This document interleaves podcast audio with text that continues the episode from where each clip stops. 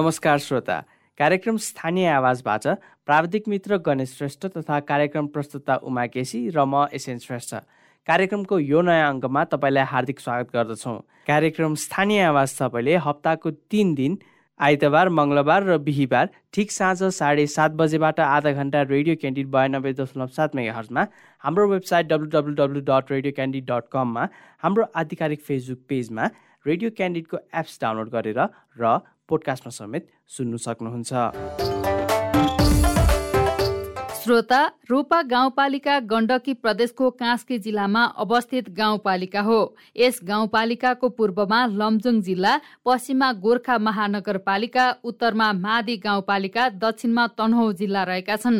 रूपा गाउँपालिकामा सातवटा ओडा रहेका छन्। गाउँपालिका केन्द्र फाल भन्ज्याङ रूपाकोटमा रहेको छ। यस गाउँपालिकाको क्षेत्रफल पञ्चानब्बे दशमलव सात सात वर्ग किलोमिटर रहेको छ। यस गाउँपालिकामा बराहा मन्दिर चिसापानी मन्दिर आदि ऐतिहासिक तथा धार्मिक पर्यटकीय स्थलहरू रहेका छन् भने बोराथोक कोट भिरचोक कोट चिसापानी मोहरिया थुम्की देउराली हंसपुर रूपाताल आदि यहाँका प्राकृतिक पर्यटकीय स्थलहरू हुन्। सात सय रूपाकोट काला भैरव र चिसापानी देवी यहाँको प्रमुख तीर्थस्थल हुन्। सात सय रूपाकोट काला भैरव र चिसापानी देवी यहाँको प्रमुख तीर्थस्थल रहेका छन्। यहाँ विभिन्न जात जातिको बसोबास रहेको छ। पर्यटकीय हिसाबले सुन्दर यस गाउँपालिकामा आन्तरिक तथा बाह्य पर्यटकको मन तान्न सफल धेरै स्थलहरू छन्। जस्तै रूपाताल हात्ती मैता टावर चिसापानी मासकोट स्याक्लुड कोट इन्द्र गुफा देउराली आदि रहेका छन्। आज हामीले यसै गाउँपालिकाको उपाध्यक्ष लालसुवा गुरुङलाई तपाईँले कुन कुन क्षेत्रलाई प्राथमिकतामा राखेर काम अघि बढाइरहनु भएको छ भनेर सोधेका छौँ। उपाध्यक्षज्यू तपाईँलाई रेडियो क्यान्डिडेटको स्थानीय आवाजमा स्वागत छ। धन्यवाद। हजुर निर्वाचन परिणाम आएर पनि कार्यभार सम्हाल्नु भइसक्यो। कुन क्षेत्रलाई र विषयलाई मुख्य प्राथमिकतामा राखेर काम अगाडि बढाइरहनु भएको छ धन्यवाद यहाँलाई। हामीले चाहिँ अहिले पहिलाको वर्षहरूमा चाहिँ खानेपानी र सडक भनेर राखेका थियौँ। अहिलेको वर्ष चाहिँ स्वरोजगारको वर्ष भनेर राखेका छौँ। स्वरोजगारको हिसाबले चाहिँ हामी नीति कार्यक्रम पनि बनाइसक्यौँ। नीति कार्यक्रम बनाए सँगसँगै फेरि हाम्रो कार्ययोजना पनि बनिसकेको छ। कार्ययोजनामा चाहिँ हामीले कुन बेला कुन मितिमा कुन तिथिमा के काम गर्छौँ त? विकास निर्माण अथवा विभिन्न शाखागत प्रमुखहरूले गर्ने कामहरू विषयगत शाखाको काम कार्य सबै हामीले एउटा क्यालेन्डर निकाल्ने भनेका छौँ। त्यो क्यालेन्डरमा ठ्याक्कै त्यो काम जे भनेर लेखेछ त्यही काम नै हाम्रो हुने विषय नै रह्यो। त्यसैले हामी अहिले स्वरोजगारको वर्ष मनाउँदाखेरि सबभन्दा प्राथमिकता हामी युवा स्वरोजगार र महिला स्वरोजगारलाई दिँदैछौँ। त्यसरी नै हाम्रो फेरि अपङ्गता भएका व्यक्तिहरूलाई पनि हामी स सँगै लिएर जान्छौँ र दिगो विकासको लक्ष्य भनेर हामी सबै ठाउँमा त्यही हिसाबले समेटेका पनि छौँ र गएको वर्षहरूमा नि हामीले केही काम गरेका छौँ।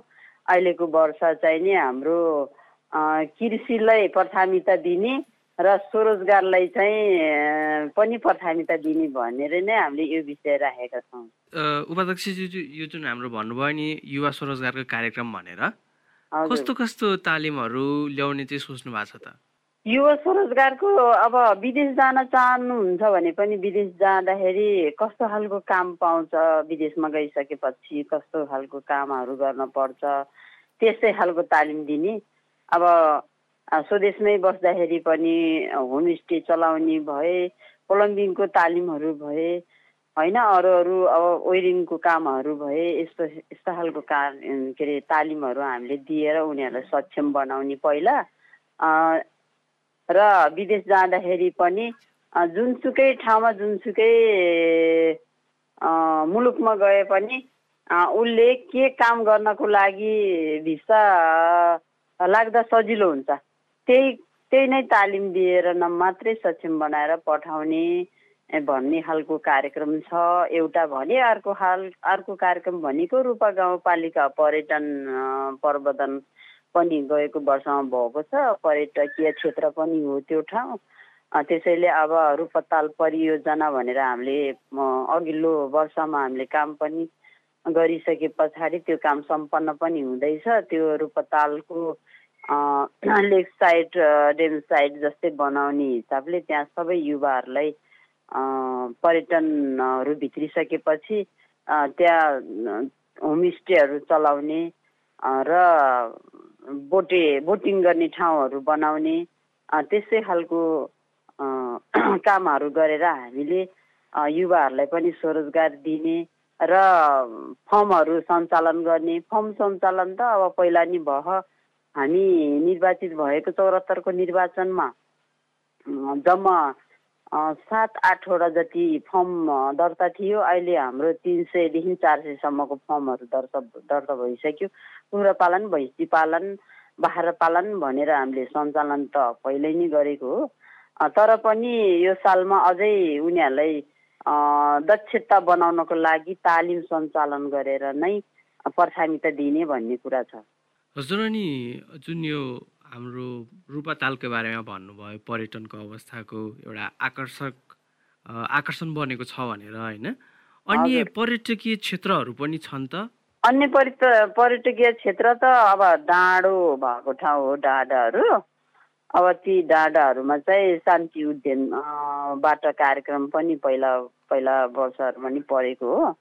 अब त्यो डाँडाहरूमा पहिलाको बजेट नीति तथा कार्यक्रममा चाहिँ नि हामीले अब त्यो भ्यू टावर बनाउन पनि बजेट दियौँ र त्यो भ्यू टावर अब सबै ठाउँमा अग्रसर खालको त नभए तापनि कुनै ठाउँ चाहिँ त्यस्तै अग्रसर नै भयो जस्तै Dhruba Tara club Bhirchok Bhirchok view tower भन्ने छ। भ्यू टावर त्यसमा चाहिँ नि सबै ठाउँहरू तिनवटा चारवटा जिल्लाहरू देख्छ पोखरा सबै देख्छन्। त्यहाँ पहिला के अरे युवराज चार्ल्सले पदयात्रा गरेको ठाउँ हो रूपाकोट रूपा गाउँपालिका। त्यसैले थाप्ले डाँडा हात्तीमैता भ्यू टावर स्याक्लुङ कोट अनि त्यस्तै कोटहरू हाम्रो सात आठवटा कोटहरू छन् मार्जिङ कोट के अरे त्यस्तै त्यस्तै गरेर ती कोटहरूमा चाहिँ नि हामीले एकुन्टा के अरे पिकनिक स्पोटहरू नि बनाउने भनेर त्यो कार्ययोजनामा नि परेछ। कुनै ठाउँमा त बनि पनि सकेका छ। तापनि हामीलाई त्यो पर्यटकीय क्षेत्र बनाउनलाई त्यति गाह्रो समस्या छैन किनकि अब हाम्रो ठुलो ठुलो पद ओहदामा भएको उच्च ओहदाका मानिसहरू आएर बसिसकेको ठाउँ पनि हो र बङ्गलादेशीय राष्ट्रपति पनि आउनुभएको र रूपाको रिसोर्टले पनि त्यत्तिकै हामीलाई गहनाको रूपमा पनि गरिरहेछ त्यसमा रूपाको रिसोर्टमा अब त्यहाँ स्थानीयले पनि त्यति रोजगारहरू पनि पाइरहेको नि छ। अब त्यसमा रूपाको रिसोर्टले नै फेरि ओल्ड भिजन भिलेज बनाउने भनेर भनिरहेछ र यस्तै यस्तै पर्यटकीय क्षेत्रहरूले गर्दाखेरि र डाँडो जुन खालको त्यो विदेशीहरूले त्यो डाँडो मनपर्छ हिमालहरू हेर्न मनपर्छ। त्यस्तै खालको ठाउँ भएको हुनाले पर्यटकीय क्षेत्रमा त्यति हामी नराम्रो छैन। हामीलाई चाहिँ त्यस्तो सजिलै छ भन्न मैले खोजेँ। भनेको हाम्रो रूपा गाउँपालिकाको लागि चाहिँ आय स्रोतको लागि पर्यटन पनि एउटा सम्भावित क्षेत्र हो। हजुर। हजुर अनि अघि न महिलाको कुरा गर्नुभएको थियो होइन? हाम्रो महिलालाई स्वरोजगार बनाउनुको लागि कस्तो कस्तो तालिमहरू नीतिहरू ल्याउनु भएको छ त? महिला स्वरोजगारको त अब पहिला पहिलो कुरो अब नीति कार्यक्रम समावेशीकरण भनेर आउँछ। समावेशीकरणबाट हामीले बजेट व्यवस्थापन गर्ने हो। त्यसमा महिला दलित अल्पसङ्ख्या जनजाति सबै भनेर त्यसमा सानो क्रियाकलापको टपिक हुन्छ। त्यही अनुसारको काम गर्ने हो। त्यही अनुसारको व्यव बजेट व्यवस्थापन गर्ने हो। र गएको चौरात्तर सालको बजेट व्यवस्थापनमा र हामीले गरेको का कामहरू अब म दोहोरिएको पनि उपाध्यक्ष भएको कुराले पहिला चाहिँ नि हामीले महिलाहरूलाई चाहिँ तालिम नै दिन्छौँ तालिम दिन्छौँ र सशक्तिकरण भनेर सचेतनाका कार्यक्रमहरू दिन्छौँ जस्तै बहुविवाह बाल विवाह त्यो भविष्यको आरोपहरू लगाउने कुराहरू लिएर त्यस्ता कुराहरू चाहिँ नि यो पहिलाको परम्परागतमा लगाएका आक्षेपहरू हुन् भन्ने अनि कानुनमा व्यवस्था हामीले कानुनको व्यवस्थाको कुराहरू नजानेको महिलाहरूलाई सिकाउने हिसाबले नै तालिम दिँदै आएका पनि हौँ र त्यसमा थप हामीले आय आर्जनलाई नै गाउँमा बस्ने महिलाहरू भएपछि आय आर्जनलाई नै हामीले प्रमोट गर्नुपर्छ भनेर पहिलो कुरा त त्यसमा पूर्वाधार नै बन्न पर्थ्यो। पूर्वाधारमा चाहिँ हामीले बाटो खानेपानी सडक शिक्षा स्वास्थ्य केही पनि थिएन पहिला गाविस हुँदाको अवस्थामा। त्यो सबै पुरा गरिसके पछाडि अहिले महिलाहरूले पनि फर्महरू खोलेको छ व्यक्तिगत फर्म पनि खोलेको छ। त्यसमा चाहिँ महिला तथा बालबालिकाको कार्यक्रमबाट बजेट व्यवस्थापन गरेर उनीहरूले समूह बनाउँछ। त्यो समूह मार्फत नै बजेट व्यवस्थापन गर्ने हो गाउँपालिकाले। त्यसरी बजेट व्यवस्थापन भइसकेपछि उनीहरूले त्यो जति हुन्छ अनुदानको रूपमा नै लान्छ। अनुदानको रूपमा लगाइसके पछाडि काम गरेछ गरे छैन त्यो अनुगमन पनि हुन्छ र त्यहाँका सदस्य वडा सदस्यहरूले पनि त्यही खालको सहयोग गरेको हुन्छ। त्यसरी गरेर उनीहरूले अहिले आयोजनलाई चाहिँ केही माथि लगेको छ। यसरी आय आर्जन गरिसकेपछि महिला बा बालबालिका दलित सबैजनाले बाख्रा पालन कुखुरा पालन र भैँसी पालन नै हो। र त्यसमा थप हामीले के गरेछौँ भने कुनै ठाउँमा सुहाउँदो सुहाउँदो टोलहरूमा चाहिँ नि जस्तै गुरुङ बस्ती बाक्लो भएको ठाउँमा गुरुङहरूले चाहिँ भाँगरो बुन्ने उनीको पछ्याउरो बुन्ने झोला बुन्ने भनेर तालिम दियौँ मेडपाससँग सहकार्य गरेर। त्यसमा चाहिँ नि अहिलेसम्म नि बुनिराख्नु भएको छ। त्यो भाङ्रा बेच्नुहुन्छ उहाँहरूले पछ्यौरी झोला सबै बेच्नुहुन्छ र हामीले गाउँपालिकाले पनि के गर्छौँ भने गाउँमै आफ्नो गाउँपालिकामा नै उत्पादन भएको कुराहरू यही गाउँपालिकामा नै खपत पनि होस् भन्ने हिसाबले हामीले मायाको चिनो भनेर दिन्थ्यौँ। पहिला पहिलो वर्षमा मायाको चिनो तलबाट त्यो सिसा हालेको फ्रेमहरू बाँड्थ्यो अहिले मायाको चिनो हामीले दिन पाइँदैन भनेर निर्णय पनि गऱ्यौँ र मायाको कोसेली भनेर दिँदाखेरि हामीले ती हाम्रो जनताहरूले समूहहरूले उत्पादन गरेको कुरा दिने गरिन्छ। अब जस्तै झोला पनि गाउँ सभामा हामी तलबाट झो झोला खरिद गर्दैनौँ त्यहीँको झोला ल्याउँछौँ। भाङ्राहरू खरिद गर्न पर्यो भने गुरुङलाई चाहिने भाङ्राहरू अर्को गुरुङ बस्तीबाट अर्को गुरुङमा खरिद गरिन्छ। र के अरे उनीको पछ्यौरीहरू हामीले सम्मान गर्दाखेरि हुन्छ त्यसै ज्येष्ठ नागरिक सम्मान हुन्छ अरू अरू सम्मान हुन्छ त्यसमा पनि त्यही खरिद गरेर ल्याउँछौँ र त्यो कारखाना चाहिँ अब चार पाँचवटा मिसिन छ त्यहाँ गुरुङहरूले त्यसरी चाहिँ गरिराखेको छ। उनीहरूले कमाइ गरिराख्नु भएको छ त्यो कमाइ चाहिँ त्यस्तै गएको गएको तिन वर्षको अवधिभित्र गर्नुभयो उहाँहरूले। त्यसै चौध पन्ध्र लाख जति कमाउनु भएको छ समूहले पन्ध्रजनाको समूह छ।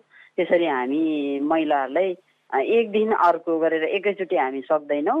अब सबै ठाउँमा त्यत्रो तिन सय जति समूहहरू छन् आमा समूहहरू छन् र छुट्टै कृषिको समूहहरू छन् त्यत्र समूहहरूलाई हामी एकैचोटि त गर्न सक्दैनौँ।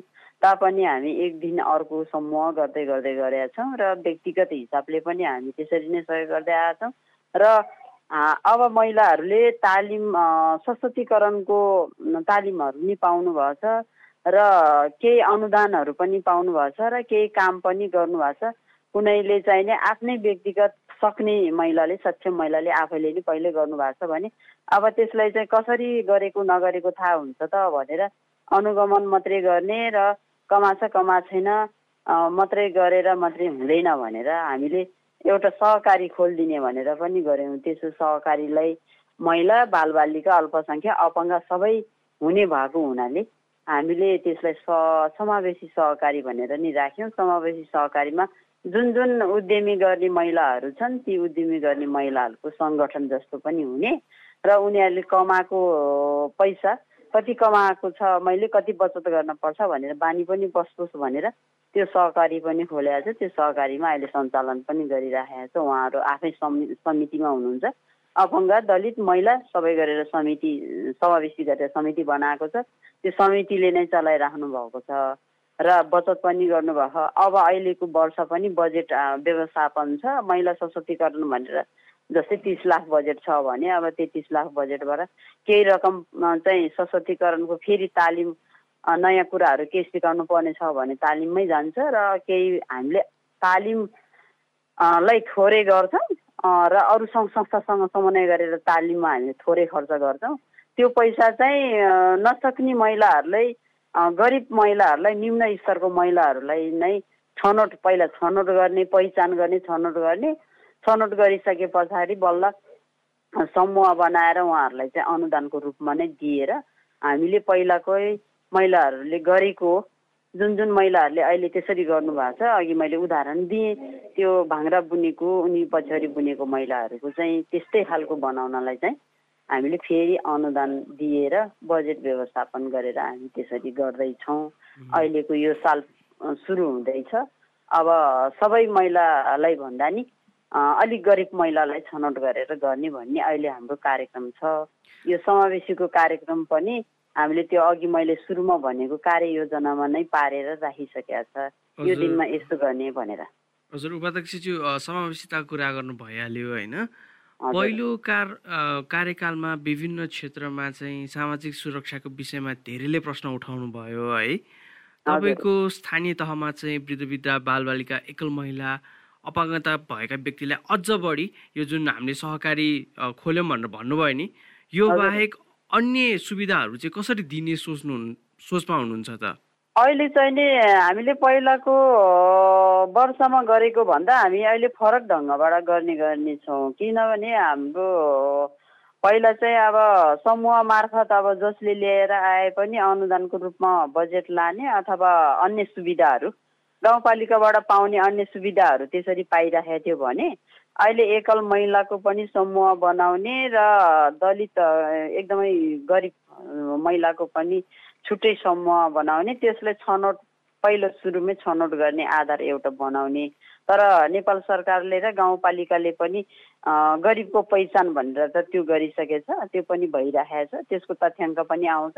त्यो तथ्याङ्क नभएसम्म हामीले अर्को हुने खाने अलिकति हुने खाने महिलाहरू हुने खाने व्यक्तिहरू भन्दा तल्लो स्तरकोलाई कसरी लाने त भन्ने नछुटिने भएको कारणले अहिले त्यो गरिब महिलाको पहिचान गरेर नसक्ने आय आर्जन नभएको महिलाहरूको पहिचान गरेर मात्रै नै लाने कुराले अहिले न्यून स्तरको महिलाहरू छनौट भनेर राखेका छौँ उपाध्यक्षज्यू अनि शिक्षाको अवस्था चाहिँ कस्तो छ त? शिक्षाको अवस्था पहिला हामी चौरात्तरको बेलामा पनि हामीले धेरै गऱ्यौँ। शिक्षा स्वास्थ्य त हामीले प्राथमिकता नै हो। प्राथमिकता दिएर राखेका हौँ। अहिले चाहिँ फेरि हामी नयाँ पनि गर्दैछौँ। नयाँमा हामीले के गर्दैछौँ त भन्दाखेरि प्रहरूको बैठक राख्यौँ। प्रहरूको तालिम पनि गऱ्यौँ। त्यसरी नै हामी पहिलाको भन्दा फरक हिसाबले सोचे तापनि हाम्रो जुन पूर्वाधार हामी बनाउँछौँ भनेर भनिसके पछाडि सडक हाम्रो पहिला एक पिस एक मिटर नि पिस थिएन। अहिले सबै पन्चानब्बे प्रतिशत हाम्रो पिच भयो। त्यो पिच भएको कारणले गर्दाखेरि बोर्डिङको निजी निजी विद्यालयहरूको गाडी चाहिँ घर घरमा पुर्याउने अवस्थाले गर्दाखेरि हाम्रो पहिलाको भन्दा फेरि विद्यार्थी घट्न थाल्यो। त्यसैले फेरि हामीले विद्यार्थी घट्ने किन रहेछ त? भनेर फेरि त्यो पहिचान गर्ने विद्यार्थी किन घट्छ? निजी विद्यालयमा किन जान्छ? हामीले यत्रो स्रोत साधन गरेर एकतिसवटा विद्यालयहरू हाम्रो छ। एकतिसवटा विद्यालयमा हाम्रो उन्तिसवटा विद्यालयमा संरचना बनेको छ। जिल्ला समन्वय प्रदेश सरकार सङ्घ सरकारबाट हामीले बजेट व्यवस्थापन हारगुहार मागेर भने नि गाउँपालिकाको बजेट पनि सहकार्य गरेर संरचना नभइकन चाहिँ नि विद्यालयलाई बस्ने विद्यार्थीलाई बस्ने वातावरण बनाउन पढ्ने राम्रोसँग पढ्ने वातावरण बेन्च टेबल छ कि छैन यस्तो वातावरण सिर्जना गर्नुपर्छ भने उन्तिसवटा विद्यालयमा भवन बनाएको छ राम्रो स्तरीय खालको त्यही खालको गुणस्तरीय शिक्षा भनेर फेरि हामीले शिक्षकहरूलाई तालिम दिएर कम्प्युटर चलाउने शिक्षकहरूले नपढाउने भन्ने खालको पनि गऱ्यौँ। र हामीले इङ्ग्लिस मिडियम भनेर हामीले त्यही खालको शिक्षकहरू व्यवस्थापन गऱ्यौँ।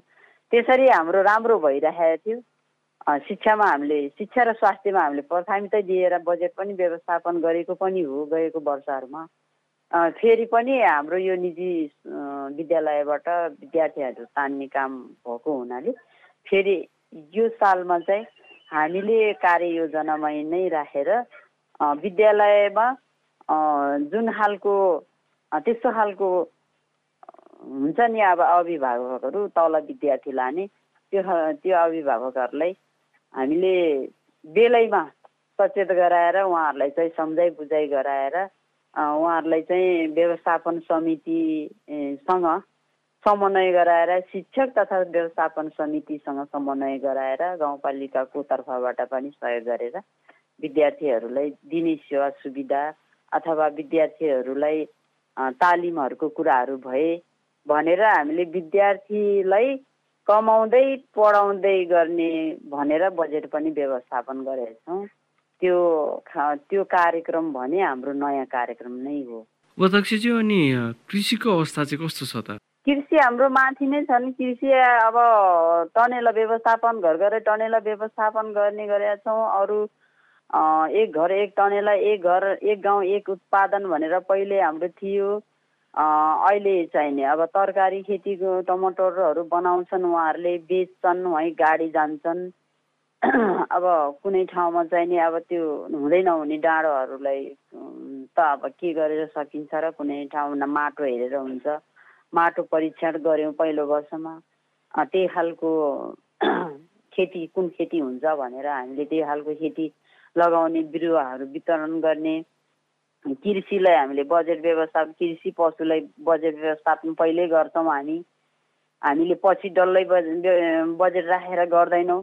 कृषिलाई यति बजेट पशु शाखालाई यति बजेट महिला तथा बालबालिकालाई यति बजेट भनेर हामी बजेट उहाँहरूलाई पहिल्यै दिन्छौँ। पहिले दिइसके पछाडि उहाँहरूले अब त्यही खालको योजना बनाएर ल्याउनुहुन्छ।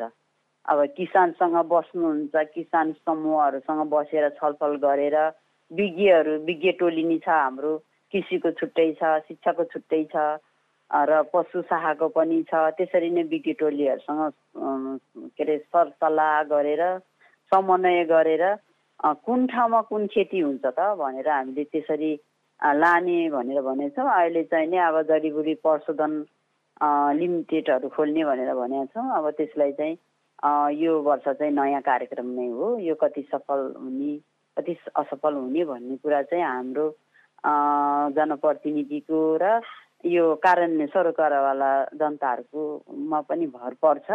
यो चाहिँ पहिलो चरणको कुरा नै भयो। त्यसैले पहिलाको अवस्थामा चाहिँ हामीले एक घर एक टनेला टनेला नभएको घरै छैन। र थोथोरे आफूलाई पुगेर पनि थोथोरै नबेचेको घर पनि छैन। त्यसरी मात्रै भएन भनेर अहिले हामीले ठुल्ठुलो फर्महरूलाई चाहिँ नि तालिमको व्यवस्था गराएर त्यसरी नै उत्पादनको क्षेत्र बढाउने भनेर बजेट व्यवस्थापन कृषिलाई पशुलाई हामीले गरिसकेका छौँ। उपाध्यक्षज्यू धेरै आशावादी योजनाहरू छन् भनेर भन्नु भइसक्यो होइन? यो सम्पूर्ण योजनाहरूलाई साकार गर्नको निम्ति चाहिँ रूपा गाउँपालिकाको आर्थिक स्रोतहरू चाहिँ के के छन् त? आर्थिक स्रोत भनेको त हाम्रो त त्यही हो। अब भन्नै पर्दा रूपा गाउँपालिका आय अर्जन त अब खासै हुने के अरे आय स्रोत त खासै हुने गाउँपालिका होइन यो। अब घाटहरू पनि साह्रै धेरै छैन। तिनवटा चारवटा घाट मात्रै छ। अरू गाउँपालिकाभन्दा सानो गाउँपालिका पनि हो।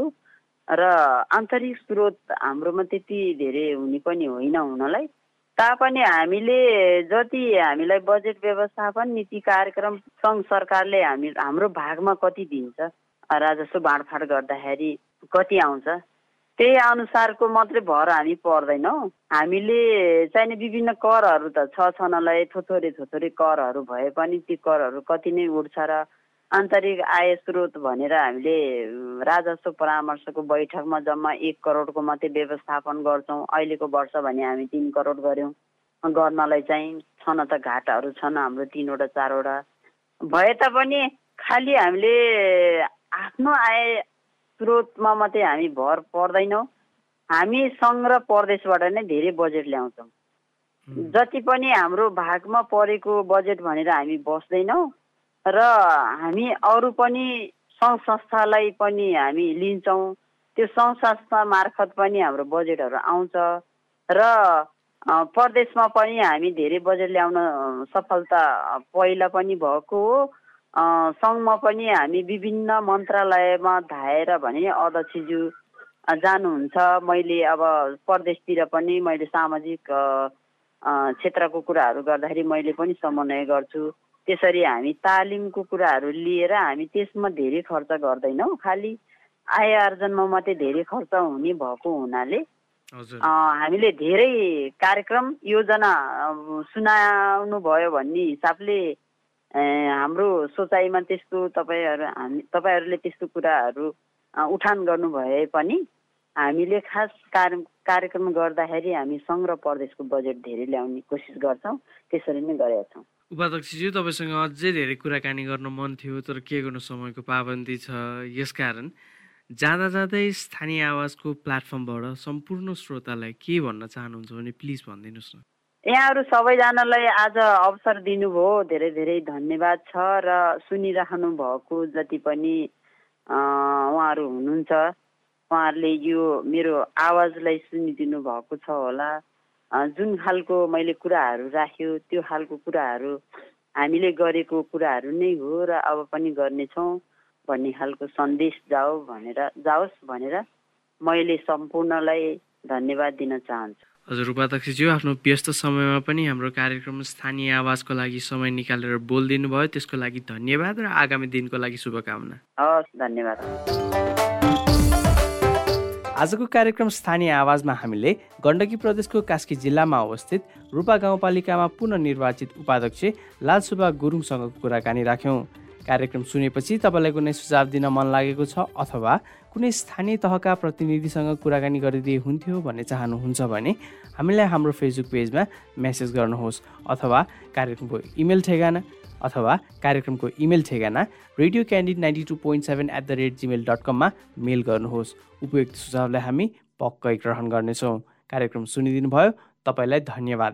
हवस् त भोलि फेरि भेटौँला। गणेश श्रेष्ठ उमा केसी र म एसएन श्रेष्ठ। बिदा हुन्छौँ। नमस्कार।